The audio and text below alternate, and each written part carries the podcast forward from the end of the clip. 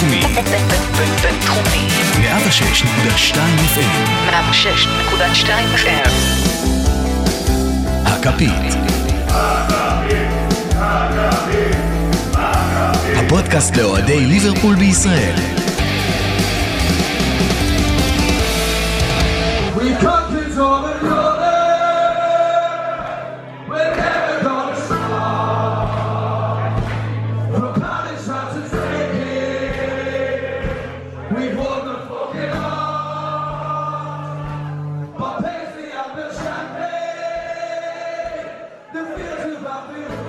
טוב, אז ברוכים המצטרפים לפרק נוסף מבית פודקאסט הכפית מהרדיו הבינתחומי בהרצליה, 106.2 FM.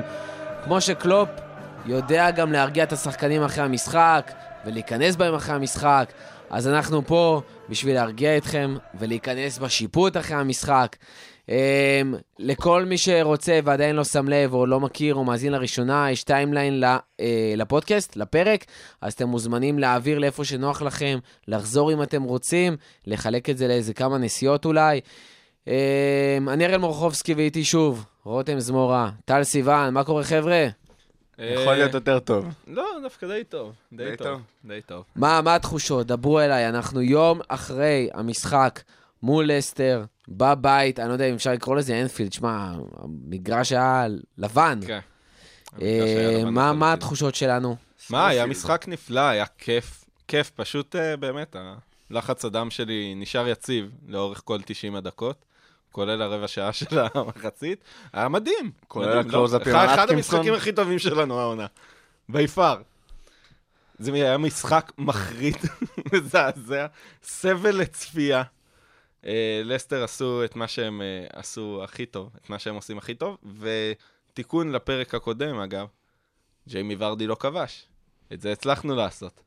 זה הצלחנו, אבל uh, כבש מי שרק חזר מפציעה, ובדיוק דיברנו עליו, uh, וזה ארי מגווייר, אבל המשחק לא באמת לא היה סבב צריך סביב זה. לכבוש. לא. הוא לא היה צריך לכבוש, ואם אתה מסתכל על המצבים שלהם, זה לא שבאמת הם היו קבוצה כל כך טובה, לפחות לא בחלק ההתקפי בשליש של ליברפול, אבל היה שם משהו אחר. תשמע, היו מלא דברים, כאילו, הרבה דברים שהתערבבו, וכמו שאמרנו כבר בפרק אה, לפני כן, בואו נוריד את הקוף ושני קופים, ונדבר שנייה על המזג אוויר ועל השיפוט, ואז נוכל להתקדם לדברים היותר מקצועיים. יאללה. אז... אה, מזג אוויר. אתקינסון? לא, בוא, בוא שנייה נתחיל עם אתקינסון, שזה... אני באמת הכי פחות אוהב לדבר על שיפוט, אבל אתה יודע, אתה צריך. לזרוק את זה. אני לא רוצה שזה יהיה עיקר הדיון, אבל זה אפשר משהו לזרוק גם שאתה את לא יכול... אטקינסון? תשמע, הלוואי. אבל uh, השיפוט, לא יודע. זה, אני. באמת לא חושב שזה אתקינסון ספציפי. אני דיברתי, כתבתי על זה בטוויטר אחרי המשחק, אני חושב שזה עניין של שיפוט באנגליה. עבר, חייב להיכנס. השופט היה בכמה מצבים פשוט ממש רחוק מהכדור, במצבים שהוא לא יכול לראות מה קורה. זה אפילו לא ור, בפנדל על אה, קייטה, לאטקינסון הייתה זווית ראייה לדעתי יותר טובה משהיו לכל המצלמות שם מסביב. זה העניין לא... זה האיגוד, איגוד השופטים הבריטי, זה פשוט מטורף, מטורף להבין שהליגה הכי מכניסה, הליגה הכי משפיעה בעולם הכדורגל, איגוד השופטים שלה אפילו לא, לא זומן למונדיאל, אוקיי? לג- לג- לגביע העולמי הם לא זומנו מרוב שהם גרועים, ואנחנו מדברים על הליגה הכי חשובה, הכי מפרנסת, הכי מפורנסת שקיימת בסופו של דבר.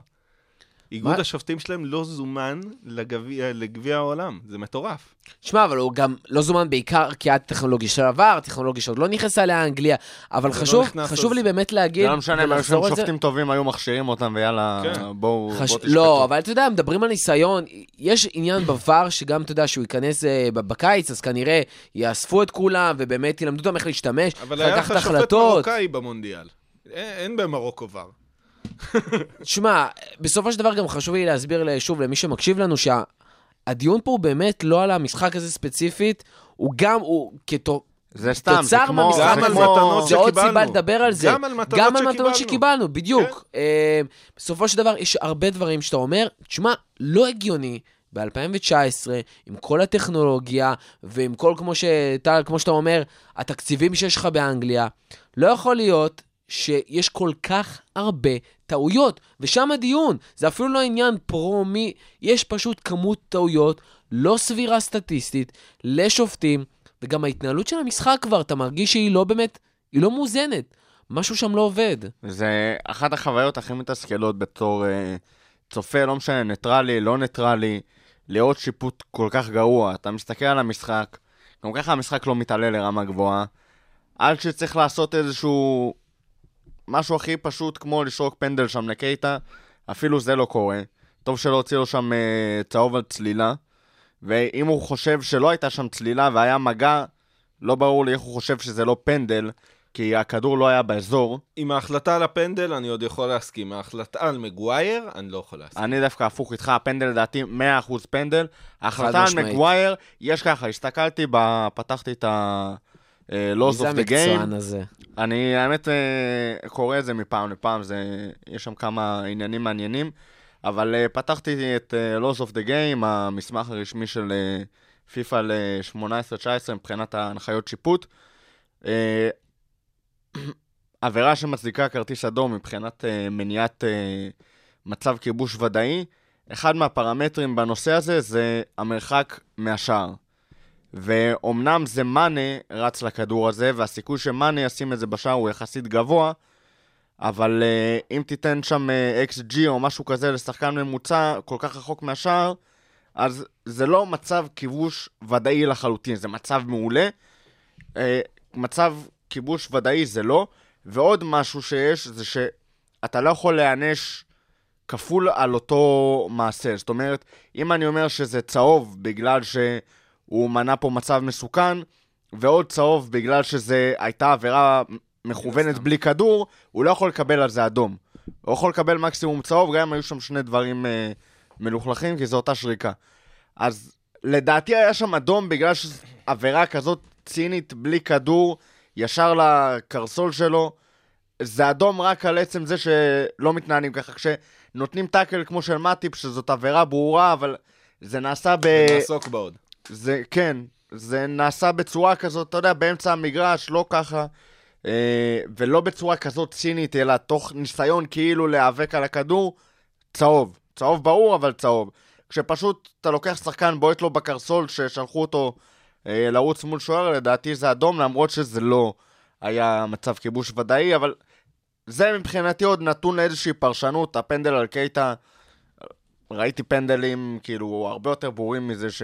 ראיתי גם הרבה פנדלים פחות- הרבה יותר ברורים מזה, שלא התקבלו. כן, זה טעויות שיפוט. אבל אז זאת גם אני היחידי. שחושב ש... שמע, אני בטוח שאני לא היחידי שחושב, ואני בטוח שזה לא הפעם הראשונה, אבל התחושה שיש יותר מדי הקלה לשופט, ונותנים לו את ה... האור הירוק לשפוט על פי התחושות שלו. זאת אומרת, בגלל כל השיח שהיה עכשיו מול סאלח, עם סאלח, של צולל לא צולל, אז פתאום, תשמע, הוא אומר, לא, אז זה גבולי, אז אני לא אתן שככה- בגלל מה שהיה. ככה כתובים החוקים, הם מאוד ניתנים לפירוש. אין שום דבר מוגדר, ב... האם, אה, מה נחשב למצב כיבוש ודאי לשער, לא מדובר בהכרח על כמות השחקנים, אלא כאילו כמה פרמטרים. אה, כתוב שצריך לקחת בחשבון את המרחק מהשער. מישהו כתב כאילו, אם 30 מטר זה כן, 15 מטר זה... מה? לפי מה? סתם נתנו כמה פרמטרים, וטוב, תמדדו לפי זה, אבל לפי מה, לפי מה לפי זה? אז זה לא כאילו, נותן איפה- יותר מדי כוח לשופטים, המון דברים, גם נגיעות יד. כל לשופטים. התוצאה של המשחק. ברור, השופט משפיע כרגע יותר מדי על המשחק, בין אם זה... זה תמיד, השפעה של שופט היא תמיד לרעה, שופט לא צריך להשפיע על המשחק. אה, וזה משהו שבעיקר קיים בפרמייר ליג. זה משהו שקיים בליגה הזאת הרבה יותר מבמקומות אחרים. במקומות אחרים, כשאתה רואה בלה ליגה דבר כזה, מדברים על זה במדינה שבוע אחר כך, בכל העולם מדברים על זה. בפרמייר ליג, אתה, שופט יכול להרוס לך משחק, להרוס לך משחק, להחריב לך אותו. וכלום, ואני לא מדבר עכשיו וכל מה בתור שתקבל ליברפול, זה בנטרים אני מדבר הפוכים בתור מ- כל הקבוצות. וזה חלק מאחת. מהעניין. אני לא בהכרח יודע איך זה בדיוק באנגליה, אבל לפי מה שאני רואה גם מהטוויטר והפייסבוק, זה באנגליה בדיוק כמו שזה בארץ. כשיש את הטעויות שיפוט האלה, יש קבוצה אחת שמצטיירת כבכיינית, זה לא משנה אם זה יהיה אנחנו, סיטי, צ'לסי, יונייטד. שמע, כל הקבוצה- קבוצה שתפסיד תצטער כבכיינית, כן, כי אבל, משהו, אין אבל מה. כל השיח מסביב לזה, זה הם בכיינים ובוא נצחק עליהם, וככה זה מסתובב, אין פה כאילו איזושהי אחדות של הקבוצות או אוהדים או משהו כזה נגד התופעה הזאת. כל אחד נהנה. לצחוק איזה כיף שקיבלתי שריקות אה, לא נכונות לטובתי, וכולם נהנים גם אחר כך לצחוק עליו של איזה כיף שטעו לרעתו, ואף אחד לא בא ו... זאת בעיה קשה, בגלל זה הדיון בדיוק. הזה לא עולה ברמה מספיק אה, בוערת באנגליה. כן, בדיוק בגלל אה, זה, זה לא... עולה. ואגב, עם כל הציפייה שלנו לקראת עבר, אני לא בטוח ש... שבשנה שנקב- הקרובה, כשזה לא רק יתחיל, השנה זה- הקרובה, באופן כללי, עם איך שהאיגוד שופטים האנגלי מתנהל וזה, עם... בטוח יש שיפור, כי יש שם טלוויזיה ואין מה לעשות, יש טעויות כאילו שהן מעבר לסתם שיפוט גרוע, אלא שופט לא רע. אבל אני כן חושב שגם שייכנס ור, יהיו לנו עוד לא מעט דיונים כאלה על... אה, כמובן, חד משמעי, יש את זה בליגות שהיום יש בהם ור. כן, אבל אני. חושב שבליגה האנגלית זה יהיה עוד יותר, כי השופטים כמובן, שם אגב, עוד יותר... שיחקנו אה, זה- משחק אחד עם ור נגד ווסט ברומיץ', פסלו להם שני שערים שהם הבקיעו בעקבות הוור, שרק ולנו ניסו נתנו להכניס את פנדל. הוואר אה, במשחקי גביע, שנה שעברה, כן. נכון? שני שערים פסלו להם, אה, לנו נתנו פנדל על, על פי החלטת ור. אה, שמע, אנחנו יכולים אה, להסתכל על המשחקים בצ'מפיונס, שקרבים ובאים, וכבר מול ביירן יהיה ור. יכולים אה, להגיד שאנחנו מצפים לשיפוט יותר איכותי באירופה ממה שהולך להיות בשנה הקרובה בפרמייר ליג? בצ'מפיונס, אה, כל עוד זה לא משחק של ברצלונה, אז השיפוט בדרך כלל אה, ברמה די גבוהה. לכאורה. לכאורה. לכאורה. אה, מצב המגרש, אני חייב להגיד, תסכימו או לא תסכימו, אני לא חושב שבמצב כזה צריכים לתת לשחקנים לשחק כדורגל. אני באמת חושב שבמצבים האלה, והיו יותר גרועים, כן? לא, יש מצב מינימלי שבו צריך להגיד, שמעו, מסכנים פה אתה שחקנים. יודע כמה לבן היה המגרש הזה? רובי פאולר ביקש מיורגן קלופ לעלות על המגרש. הבדיחה כבר רצה כן. איזה 24 שעות, אבל... כולל מאנה, אגב. אני באמת כן, אומר, אני באמת חושב שזה. קריטי בר, ב, ברמת מה שדיברנו עכשיו על השיפוט ב, בכל אנגליה, לא רק בפרמייר ליג, אפרופו, כל אנגליה, יש מצב שבו, שמע, זה סיכון של השחקנים. אני... אתה רואה את המים התיזים, גם זה קרה מול וולפס, כבר קרח. שחקן יכול לגמור את העונה בגלל משחק אחד כזה, בגלל התנאי של הדשא. אני לא מדבר כבר על הקור שעוד איכשהו ניחא. ואתה רואה שחקנים שגם חוזרים מפציעות, אחרי חודש כמו דצמבר, אחרי חודש כמו ינואר. שמע, שחקנים אין, עם שווי אבל, אה, מטורף. אבל אין מה לעשות, אני לא מסכים איתך. תנאי המגרש לא היו אידיאליים בלשון המעטה, לא היה כיף לשחק על זה, ראו שהשחקנים אה, מפחדים לעשות תנועות מסוימות או מהלכים מסוימים בגלל התנאים של גם המגרש. פיתוח של מהירות, אף אחת כמובן. מהקבוצה, כן, גם פיתוח של מהירות, גם אה, שינוי כיוון. על- התנאי מגרש היו רחוקים מלהיות אופטימליים, אבל, זה כדורגל. ויש פה אבל גדול, זה כדורגל, שיחקו בתנאים הרבה יותר גרועים, ישחקו גם בתנאים יותר גרועים, כי אין מה לעשות, אי אפשר, המשחק הזה לא סטרילי, אנחנו לא רוצים אותו סטרילי. לפעמים זה לטובתך, לפעמים זה רעתך, אבל זה אלמנט לדוגמה שמשפיע על שתי הקבוצות באופן שווה. יכול להיות שעל אחת זה ישפיע יותר בגלל סגנון המשחק שלה, אבל בסופו של דבר שתי הקבוצות משחקות על אותו מגרש, ואין מה לעשות, כאילו, יש, יש בזה סיכון, כמובן שיש בזה סיכון, חד משמעי, אבל יש גם סיכון בלרוץ חלוץ גם- יחיד מול ארי מגווייר. ויש גם אוהדים, ש... יש אוהדים. שבאים לך מ... מכל העולם, מוציאים ים כסף. באים יש... עם הילדים שלהם לאיצטדיון, לא בקור. משנה בני כמה הם, ומחויבים לחלוטין, משקיעים על זה ים כסף, מת... מחכים לזה כל השנה, ואז אה, כאילו בגלל שהמגרש לא בתנאים אידיאליים אתה תדחה את זה. יכול להיות שצריך למצוא פתרון לא- טכנולוגי שיכול לפתור את העניין הזה. אגב, שמע, יש- פתרון, חימום יש. של אבל אצטדיונים. זה הדשא באנפילד מחומם, זה לא סתם שהשלג לא נערם שם, וראית קצת לבן על המגרש, צחקנו על זה, אבל המגרש לא באמת היה לבן לגמרי, היו שם כמה חלקים, במיוחד במחצית הראשונה, שכנראה היה פחות זמן לתחזק את זה, או שהשלג ירד יותר אה, חזק, אבל התחתית של המגרש מחוממת, השלג לא נערם שם, כן יש מים, הבעיה הייתה בעיקר המים, לא איזשהו שלג או קרח יותר מדי. אה, ומן הסתם גם הדשא קצת יותר, אה, וכל אדמה קצת יותר קשה ומתנהגת אחרת, אבל יש לזה פתרונות. הפתרון המושלם זה לקרות את כל האיצטדיון ולהפוך אותו ל... זה שמתקפל, אגב. גם כבר היה בכדורגל. הדשא מתקפל, זה בעיקר בשביל שהוא לא ייפגע בזמן שלא משחקים עליו, זה לא עוזר לך הדשא מתקפל כשיש משחק, זה ממש לא. אה, אבל קירוי. קירוי, וכן, אגב, גם כן, אבל- בווימבלדון כבר הגיעו להחלטה של קירוי, לצורך העניין. אגב, גם זה, כאילו, זה קצת פחות רלוונטי, אבל זה באיזשהו מקום חלק מה... מהאווירה של הכדורגל וזה, זה מבחינתי, כן. אה, לראות את השמיים הפתוחים מעליך, גם אם יורד עליך גשם וגם אם אתה זה חשוף חלק לכל... מהעניין, זה כדורגל. כן, אבל זה, יש עוד אנשים ש... זה טיעונים ששמענו הרבה לפני זה מאנשי הנגד ור. כן. שזה כדורגל, וככה, יא, טעויות שיפוט זה חלק מהמשחק וזה, אז זה יותר נכנס לקטגוריה הזאת שקצת קשה לי איתה, כי אם יש דברים שאנחנו יכולים לעשות בלי לפגוע באמת במשהו, לשמור אז, את זה אה, אותנטי. זה- אה, לשמור את זה אותנטי, אבל אה, בוא, תכלס, אם אני יכולתי ל- להימנע מזה במחיר של אה, לקרות את הגג מהתנאי מגרש אתמול, אז הייתי עושה את זה בשמחה. טוב, אז סיימנו עם uh, מצב המגרש, סיימנו עם השיפוט, בואו נדבר דוגרי משחק, דוגרי כדורגל. מה מבחינתכם היה החלק הטוב במשחק הזה שאנחנו לוקחים איתנו, כלום. ומה היה החלק הרע במשחק שאנחנו לוקחים? טל. אוקיי, חלק טוב. חלק טוב, מאנה. מאנה היה מאוד מאוד אפקטיבי, עשה המון, המצטיין על המגרש מבחינת ליברפול לפחות. אה, ג'יני נתן משחק מצוין, משחק פשוט מצוין אתמול, אה, וחבל, כי יתר הקישור לא. אה, ושם באמת אני שם את האצבע. אה, הקישור, חוץ מג'יני, לא פעל. אנחנו קייטה- מדברים על קייטה, קייטה כאילו... בגזרת ושקירי. נעלם, ושקירי בגזרת נעלם אה, אלבני. אה, יש, לנו, יש לנו שם קושי מאוד מאוד גדול. אה, אני חושב שזאת לא הייתה החלטה טובה. אם כבר לתת לקייטה לפתוח במגרש כזה, במשחק כזה, סליחה, אז מול קשר שלא רק נמצא בפורמה טובה, מול קשר שיכול להוביל, מול קשר שיכול להחזיק, מול קשר שיכול... שקירי יותר מוציא, מוציא לפועל, בוא נקרא לזה. הוא יותר התקפי, הוא פחות אה, מקשר, ואני חושב שזה הורגש. בגלל זה הוא גם לא בא לידי ביטוי, גם, בגלל, גם בגללו עצמו, וכמובן גם בגלל קייטה. אה, א', שקירי מבחינתי, אמרתי את זה גם בפרקים קודמים, אני, אני אמשיך להגיד את זה. שקירי זה מבחינתי super sub, כן כן. בפורמה, לא בפורמה. מתאים להרכב, לא מתאים להרכב. מבחינתי, אני רוצה לראות שורה סטטיסטית שלו, סוף עונה כלשהי. אפס משחקים בהרכב, 38 משחקים עלה מהספסל. אבל זה אומר שאתה כאילו- מרכיב את ללאנה במקומו עכשיו.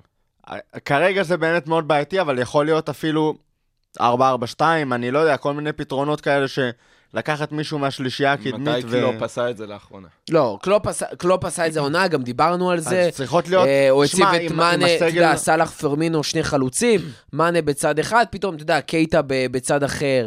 אה, כשזה נע כל הזמן בין 4-3-3 ל-4-4-2, הוא שולט במשחק, אבל דיברנו על זה שהוא רוצה לעלות במערך של 4-2-3-1, שעבד לו נכון. מול כל הקבוצה. זו פעם ראשונה שקלופ לא ניצח, אני לא מדבר על הפסיד או תיקו או whatever, לא ניצח. קבוצה מתחת לטופ 6 מול כמעט כולן. זאת אומרת, היו כמה בתחילת העונה שזה לא היה, אבל לאחר מכן 4, 2, 3, 1, מתחת לטופ עבד לו מעולה. עבד לו מעולה, עבד לו מעולה עם שקירי שם, אחרי כמה משחקים שהוא באמת אה, נכנס לזה. משהו מול לסטר הרגיש, גם בגלל תוואי הדשא וגם בגלל סגנון המשחק שלהם, ששקירי פשוט לא הועיל שם. שמע, יש לא סיבה הועיל לזה. ש... הוא לא היה נכון יש טכנית. סיבה לזה שאתה. לא יכול לנצח 38 משחקים מתוך של- 38 משחקים. אחת הסיבות לזה, זה שלפעמים הכוכבים הסתדרו לרעתך, והיו לך תנאי מגרש גרועים, ושיפוט גרוע, ופציעות, והשחקנים שהיו אמורים לתת, לפצות ביכולת שלהם על הפציעות והסגל החסר, החסר כמו אה, רובו וסאלח, ואפילו ונדייק, לא הביאו אפילו 80% מהיכול... 70% מהיכולות שלהם למשחק. אה, דברים כאלה, ועדיין לא הפסדת. זהו, ודברים כאלה מתחברים לפעמים, וזה, שמעתי הרבה אנשים אחרי המשחק הזה, או הנה הלוזריות של ליברפול, ואיך לא עשינו איזה שבע הפרש, ועוד פעם מפשלים ברגע האמת, בלה בלה בלה בלה בלה. ליברפול, או קבוצה לוזרית אחרת שתראו בראשכם, לא מוציאה מהמשחק הזה אחת-אחת. קבוצה כזאת מפסידה את המשחק הזה. לגמרי. קבוצה כזאת, ליברפול שלפני כמה שנים שאהבו להגיד שהיא לוזרית, ומבחינה, לא מבחינת מועדון, מבחינת הקבוצה שהייתה באותם שנים, היא הייתה מאוד נאיבית לפחות, אם לא לוזרית, לא רוצים לשמוע את זה. הייתה מפסידה את המשחק הזה אתמול תשע מתוך עשר פעמים. זה... ולא רק 11 זה... מתוך 9. 11 מתוך 9 פעמים, כן.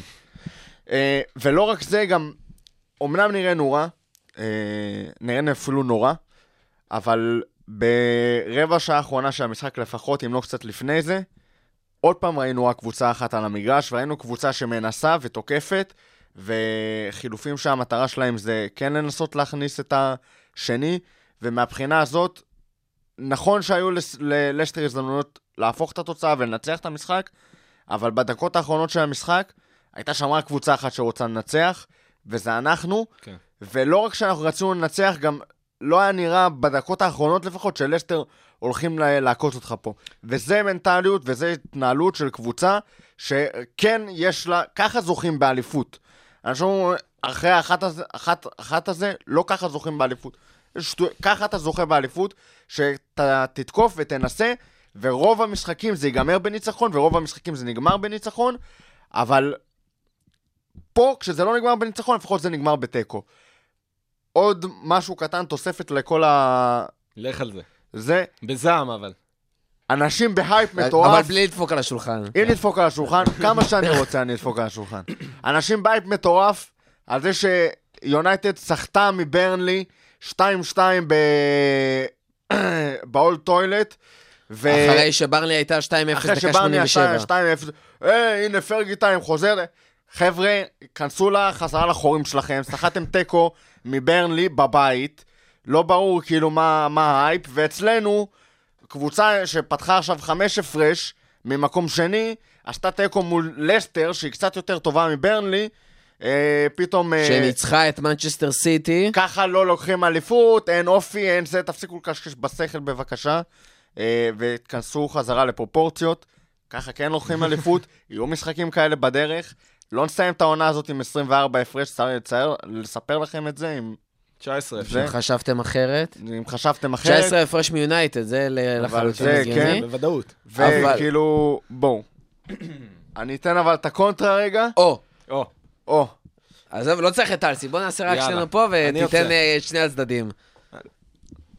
זה כמו מהמר שנתן אה, חמישה מספרים בלוטו. השמחה שהייתה לך בראש רגע לפני זה, שראית את החמישה מספרים הראשונים, מתנפצת מול האכזבה הזאת שדווקא המספר הראשון טעית, ולא משנה שלקחת את הפרס השני של חצי מיליון או כמה שזה לא יהיה, באותו רגע יש לך איזושהי אכזבה, שאם הטופס הזה היה הולך לפח ולא היית יודע כמה זה, מה קרה שם בכלל, אז היית מתאכזב הרבה פחות. ולדמיין אותנו, ב... ווואלה שנסעתי ביום רביעי לעבודה, רצו, רצות לך מחשבות בראש, אי אפשר להימנע מזה של איזה נחמד יהיה שבע הפרש, ואיזה יופי ואיזה זה, וזה כן מתסכל, זה כן מבאס, אבל צריך לזכור, לפני, צריך להגיד תודה על החמש הפרש. לפני המשחק הזה, מעל מנצ'סטר סיטי? מאשר החמש הפרש מתחת למנצ'סטר סיטי ולנצח את דיברנו לסטר. על זה לפני. המשחק הזה היית צריך 14 מתוך 15. כן. 14 ניצחונות מתוך 15 משחקים שנשארו. אחרי המשחק היית הזה... צריך 13 מתוך 15. לא. מ-16, משהו כזה. אתה עם, היית עם 4 הפרש, ואתה לא כן. תיקח את זה על הפרש שערים, 99 אחוז. לא מול היית. היית צריך לנצח 13, מ- אה, 14 מתוך 15 שנשארו, עכשיו צריכים לנצח 13 מתוך 14. זה גם המנטליות אלא אם כן מנצ'סטר סיטי זה גם... מפס- מפסידה כן, נקודות. בשביל להבטיח את האליפות ושזה נטו כן. בנו, אנחנו צריכים לנצח עכשיו 13 מתוך 14, וזה גם צריך להיות הראש של השחקנים. אני 99% בטוח שזה הראש של השחקנים, זה הראש של קלופ. לא מעניין אותי מה סיטי עושים, לא מעניין אותי שהם ישחקו עכשיו חודש וחצי לפנינו. אנחנו צריכים לנצח את המשחקים שלנו בלי קשר לפער, בלי קשר לכלום. והשבוע התקרבנו, התקרבנו עוד צעד לעבר האליפות. וזה מה שצריך להדהד לנו בראש. עשינו צעד קדימה, לא אחורה. למרות התיקו הזה. אני חושב שהתיקו הזה היה צעד גדול קדימה אפילו. זה משחק שיכלנו להפסיד בקלות. משחק שג'ורדן אנדרסון פותח לראשונה בחייו כמגן ימני. אה, וואלה, כן, מול ורדי, מול מדיסון, מגווייר בעניינים, מלחיץ. גם שזה, גם שזה בבית, זה עדיין מלחיץ, הם קבוצה מצוינת. אני לא עכשיו אה, יוצא בחגיגות על זה שיצאנו בתיקו, אבל אני בהחלט מסתכל על הצד החיובי שבזה, ויש בזה הרבה. אגב, אני גם יכול להבין דברים חיוביים שבלהיות חמש הפרש ולא שבע הפרש. בהייפ, בזה, תן לי להיות שבע הפרש באפריל, תן לי להיות שבע הפרש בסוף מרץ. לא, עדיין ינואר מוקדם לי לשבע הפרש. וואי, יש עוד מלא משחקים, כאילו. הכל עוד יכול בורנמות'- להשתנות. הנה בורנמות' אתמול. כן, מצד שני אני יכול לבוא ולהגיד לך... ענקית לצ'לסי, אגב, אה, יקירנו משכבר הימים. קליין. קליין. ששחררנו אותו, והיה מצוין, אפרופו על הגב של הזר, כן. ששמר עליו פיקס, הזר לא עשה אתמול כלום. אה, חטפו 4-0 גדול, גם ההגנה הייתה על הפנים, גם ההתקפה שלהם הייתה על הפנים. ההגנה שלך על הפנים. אם- אם ג'ורדן אייב מבשל מולך, ההגנה שלך על הפנים. כן. אה, אנדו אתמול, אה, או מתי שאתם לא שומעים את זה, אנדו מול אסטר, נתן משחק בסדר גמור, פלוס. היה פלסטר. היה משחק היה טוב, פלסטר לחטוף היה מה מאוד. שהוא קצת צריך יותר. מפלסטר, הוא נתן אה, משחק טוב מאוד. תרומה. התקפית. אגב, שוב, יותר ממה שקליין היה נותן, תרומה התקפית. הגול ממש לא בא מהאגף שלו, לא הגיע לא שם... היו כמעט מצבים, היה מצב לא, החצי הסיט- מהאגף הסיטואציה שלו. הקשה, הסיטואציה הקשה והברת דיון מהאגף שלו היה הסיפור עם העקב, שהוא רץ קדימה. לא היה לו גיבוי כמו- מאחורה, נתן עקב אה, קצת, קצת חובבני. אפילו רשלני. מאוד רשלני. אה, ומה שפתח להם מתפרצת, שהובילה לצהוב של מטיפ. אגב, מטיפ, אה, אנחנו עוד נעסוק בו, אני מניח, אבל אני חושב שהצהוב הזה לא היה כזה נוראי, הוא עשה סך הכל עבירה מאוד מאוד חכמה. אה, אנדרסון אבל אתמול זה- היה זה על הקו, על הקו של. אנדרה גיי, אה, אנדרה גריי, סליחה, על הקו של אנדרה גריי ושל צ'ילואל, זה לא משהו פשוט לבן אדם לשחק פעם ראשונה כשהוא פותח מגן, לקבל את שניהם על הראש, במיוחד. ששוב, דיברנו על עניין קייטה, דיברנו על עניין שקירי ג'יני עבד אתמול כמו שלושה קשרים. כמו שניים וחצי קשרים, אבל בחצי הזה, שם נפל הפיק מול אנדרסון, אה, כי לא היה, לא היה לו גיבוי, והוא עלה, הוא כל הזמן עלה, הוא תקף, הוא היה מצוין התקפית לפי דעתי, אה, אבל שוב, כשאין לך גיבוי כמגן ואתה יוצא קדימה, אתה יכול להרשות לעצמך, לפעמים ראינו כבר לא פעם בחיים, מגן שנותן עקב, זה לא משהו שזה, כן, אבל, אבל זה, זה היה מגן שעלה גיבוי. עוד שנייה עד לדגל הקרן. גם לא כבר קרה. משם, ונתן עקב, כאילו... אני ראיתי את זה ואמרתי, כאילו, הבן אדם פשוט שכח לרגע שהוא מגן, ואין לו מושג מה זה אומר להיות מגן, ושכשאתה קשר, אתה יכול לתת את העקב הזה, אתה כי גם יש כשאתה מגן אתה יכול. לתת את לא- העקב לא הזה אם יש לך ככה. קשר מאחוריך, כן, קשר ובלם. אין, נותנים את העקב הזה בהרבה יותר טעם, בהרבה יותר טקט, הוא פשוט הוציא אותם למתפרצת, ומזל שמטיפ הצליח אה, לעצור את זה רק בצהוב. אני חושב שאחד הדברים גם המובהקים שהתלהבנו מהם בהגנה של ליברפול העונה, והסיבה שכל כך הרבה משחקים כמעט לא ספגנו, אה, עד ינואר המקולל הזה, אה, וכל העניין שבאמת תפסנו הייפ מעבר לוונדייק, זה הפלוס. זה הסדר והאחריות, אולי המילה הכי חשובה. האחריות בהגנה. אומרת, גם רובו, גם ונדייק, גם אה, גומז, כשפתח את העונה, סופר אחראי, היה סופר מאורגן, אה, גם טרנט, וברגע שמשהו שם התחיל להתערער, שחקנים שלא בהכרח נמצאים שם, והכל, אתה פתאום שם לב. דרך אגב, משהו שחוזר עצמו גם בלוברן וגם באנדו, עם כל הכבוד לסרט הקפטן של אנדו, אתה רואה שם דברים הרבה פעמים שהוא עושה, שהם פשוט לא אחראים. יש שם קצר ש- במוח, אתה לא חושב- האלה. היה לנו את כל הוויכוחים אפרופו עם אה, תמי והשחמט והכל. זה מישהו שלא עושה את השלושה, חושב את השלושה צעדים קדימה, שברמות של ליברפול, ובעמדה שלך שאתה משחק בליברפול, אתה חייב לעשות. אתה חייב לחשוב את השלושה זה- צעדים זה- קדימה, מה זה יכול לדעתי להיות. לא העניין של אה, דרך צעדים אגב, קדימה. אתמול, הגול של מגווייר, מישהו שם היה חייב להעיף את הכדור, לבעוט אותו לטיזינמו, ובגלל שהוא נשאר ברחבה, גם הכדור הזה נכנס בסוף. א', הוא נכנס בסוף בגלל שוונדייק אה, נרדם שם. אה, זה קודם כל עליו, הרבה לפני מי שהיה צריך להעיף את הכדור הזה.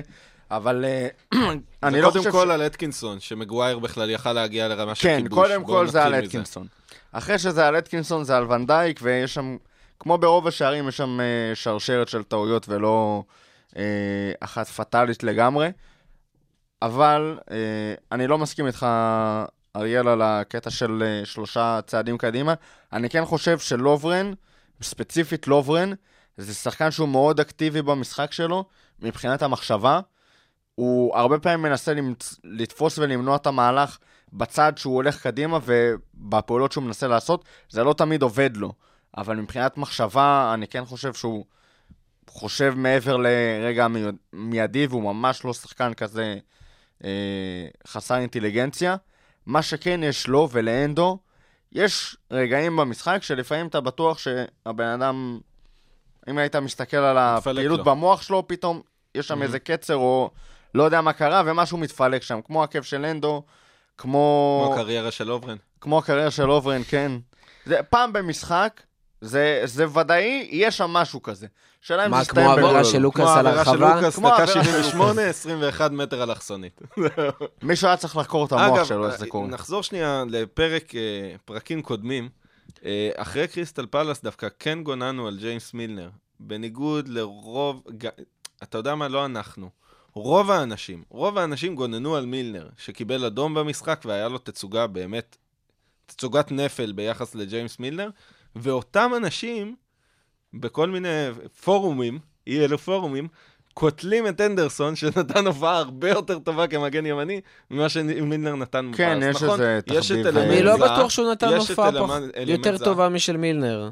מה? פעם האחרונה שהוא שיחק נתחיל בזה שם. שמילנר יצא באדום. נתחיל בזה שמילנר יצא באדום, עשה שני עבירות של, שתי, אה, שתי עבירות של צהוב.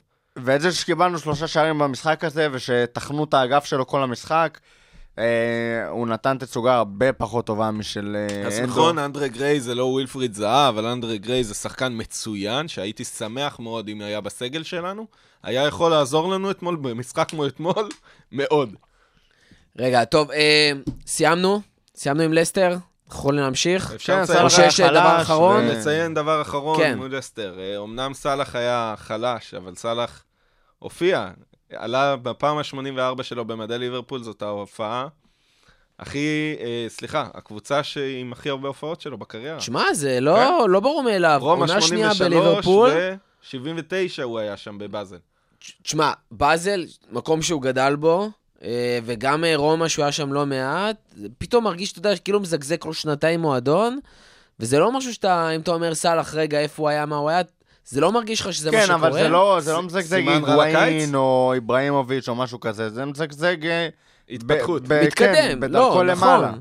אבל סימן זה, זה מדהים? לראות את זה, כי זה רק מראה אולי כמה הוא מתקדם. אני מקווה שזה לא סימן לקיץ, אה, אבל זה אנחנו עוד נראה. בוא נגיד, אה, למען השקט הנפשי שלנו איתו, אה, כדאי מאוד שניקח אליפות. אני לא יודע אם לא ניקח אליפות, זה יחרוץ את הגורל הישארות שלו. בקבוצה, אבל... כן, אבל זה יכול להיות חביב עבורנו לקחת, בלי קשר. יכול להיות חביב בלי קשר. אבל... אה, טוב, לא לא נדבר על דברים שלא קרו עדיין. טוב. אבל- מקליטים 31 בינואר, יום חמישי, סוגרים היום את חלון ההעברות.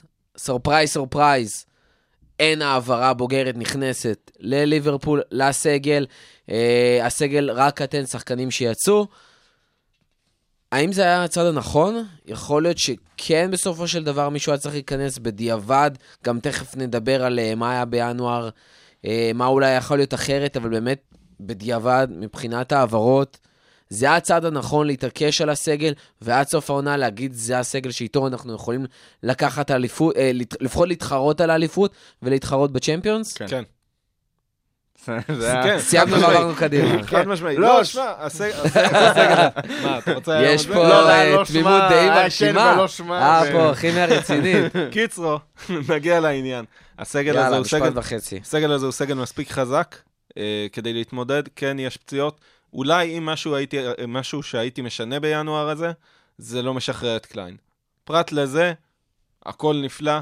רכישות של ינואר הן רכישות יקרות מאוד.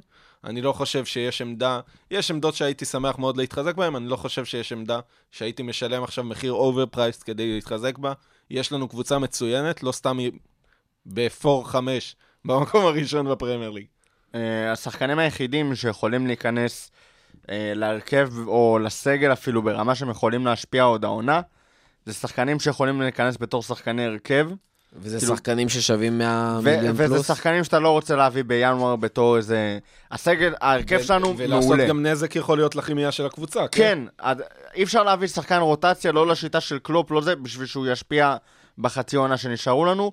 מעבר לזה, אנחנו מאוד מאוד מאוד מאוד מקווים שאו-טו-טו אדון אה, אוקסלייד צ'מברליין, יחזור לכשירות. כן. וזה יהיה רכש פסיכי, עם... אה, אם הוא באמת יחזור אם בכשירות אה, למחזור, משחק בטן. טוב, אנחנו ממשיכים.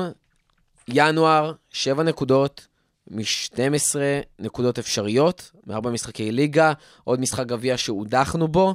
זה משהו שאנחנו יכולים להגיד, תשמעו, זה יפה לינואר, במיוחד אחרי דצמבר מושלם, או שזה משהו שאנחנו אומרים, היינו צריכים להוציא יותר, יותר מזה, היה לנו חשוב להוציא יותר. איפה אנחנו עומדים בעניין הזה? תמיד היה חשוב, תמיד חשוב להוציא יותר, אבל רוצים להוציא במסתכם, יותר. אבל אבל- במסתכם זה בכלל לא נורא. כי... שמע, כי אתה בסופו של דבר מחזיק חמש אתה... נקודות במקום הראשון. בסופו של דבר, המטרה אין, כאילו, זה לא שהקבוצה שמוציאה 93 נקודות העונה, החליטו שהיא זו שלוקחת את האליפות.